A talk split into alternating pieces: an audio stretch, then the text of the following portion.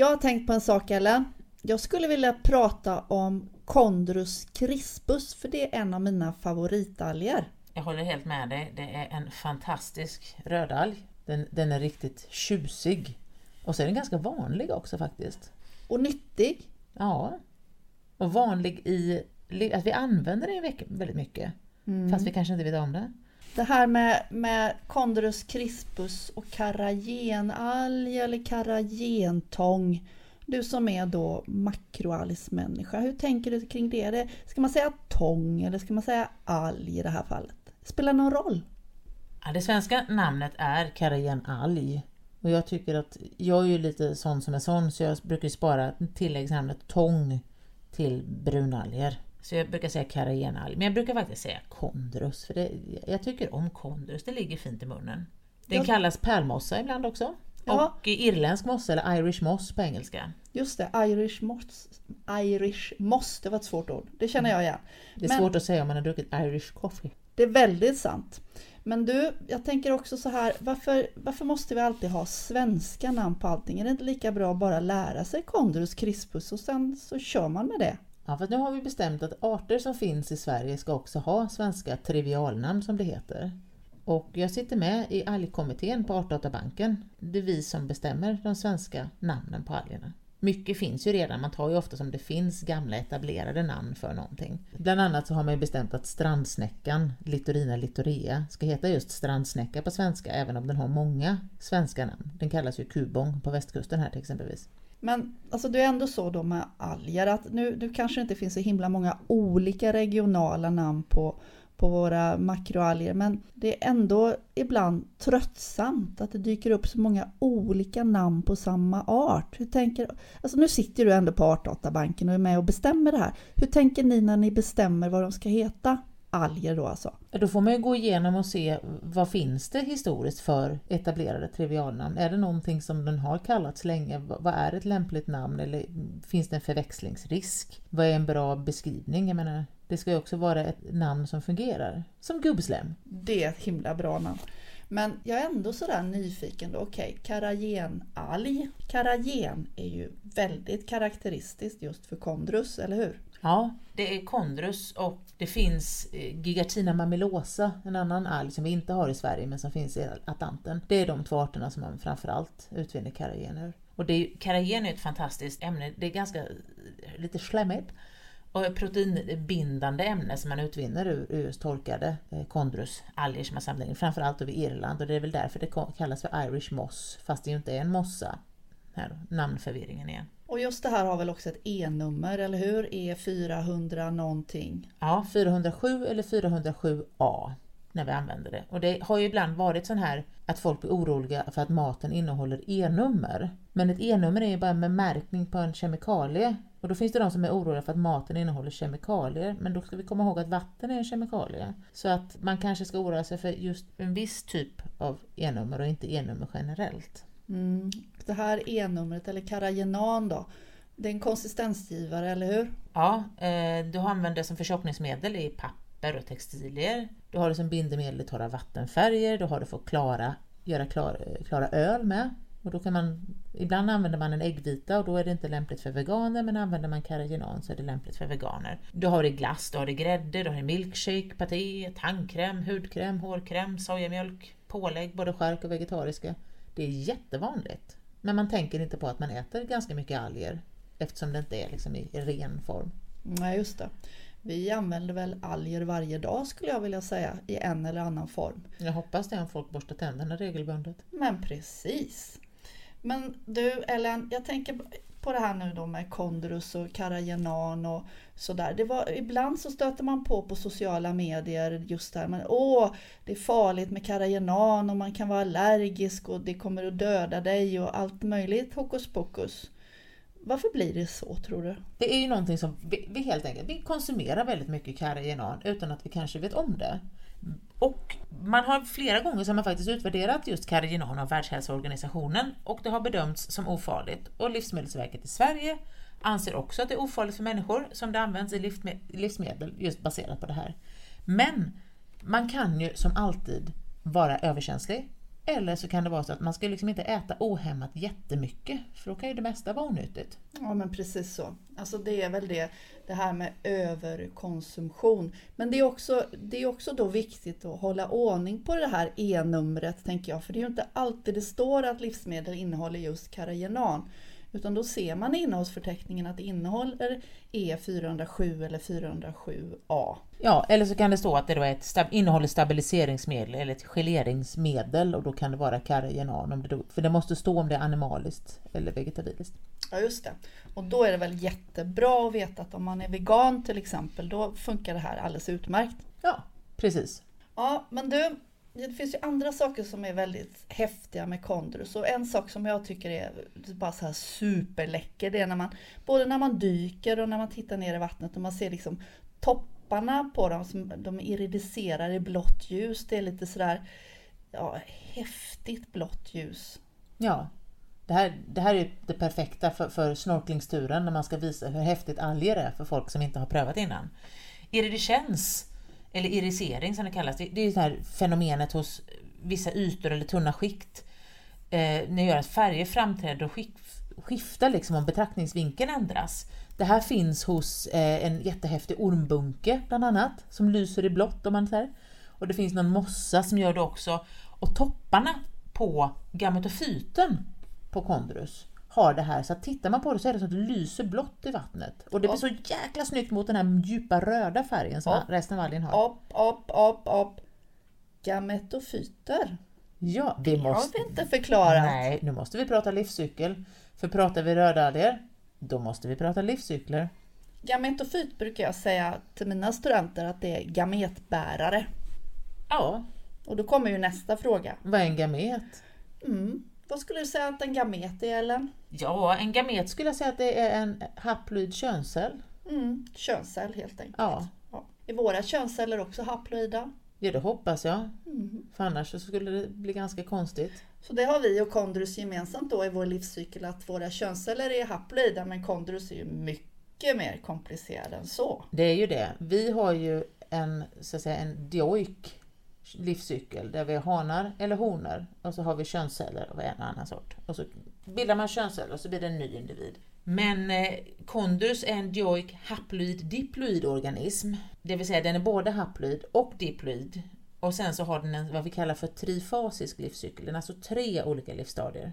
Och sen oj, en haploid, då har man en enkel uppsättning kromosomer. Mm, och diploid, då har man en dubbel uppsättning kromosomer. Yes. Och då är det så intressant att den diploida generationerna som kondrus har, det är karposporofyten och tetrasporofyten. Tetrasporofyten är en sån bål som vi ser mellan ja, 5 till 20 cm kan det bli. Jag brukar sällan se den större än 10 kanske. Så ser det ut som det här lilla röda trädet som vi ser. Va? Och den i sin tur bildar tetrasporer som sen då blir gametofyterna. Och då ser de gametofyterna likadana ut som tetrasporofyten. Då är de isomorfa. Iso betyder lika och morf betyder form, så samma form. Så då är det ju jättesvårt att se skillnad på vem som är vem. Men då hade vi det här med att gametofyten har iridescensen. Så glittrar den i blått, då är det en gametofyt och då vet vi också att den är haploid. Och då pojke eller flicka så att säga. Men sen kommer den här tredje livsfasen mm. och det är karposporofyten. Och då är det ett mikroskopiskt stadium som bildas på bålen av gametofyten. Det här är jättespännande och det är just rödalger som har de här komplicerade livscyklerna, eller hur? Ja, det, det är... Vill man fascineras av naturen så ska man titta på rödalgernas livscykel för det är så mindblowing verkligen. Sen är det väl så också att, att eh, alla rödalger har inte alla de här stadierna, eller hur är det egentligen? Nej, rödalger, det, man får nästan titta på art för art ibland för att det varierar så mycket. Det finns de som har färre och det finns de som har så mycket så att man, man viker sig dubbelt. Det kommer vi prata mer om sen när vi pratar mikroalger också. Mm, det kommer vi definitivt att göra.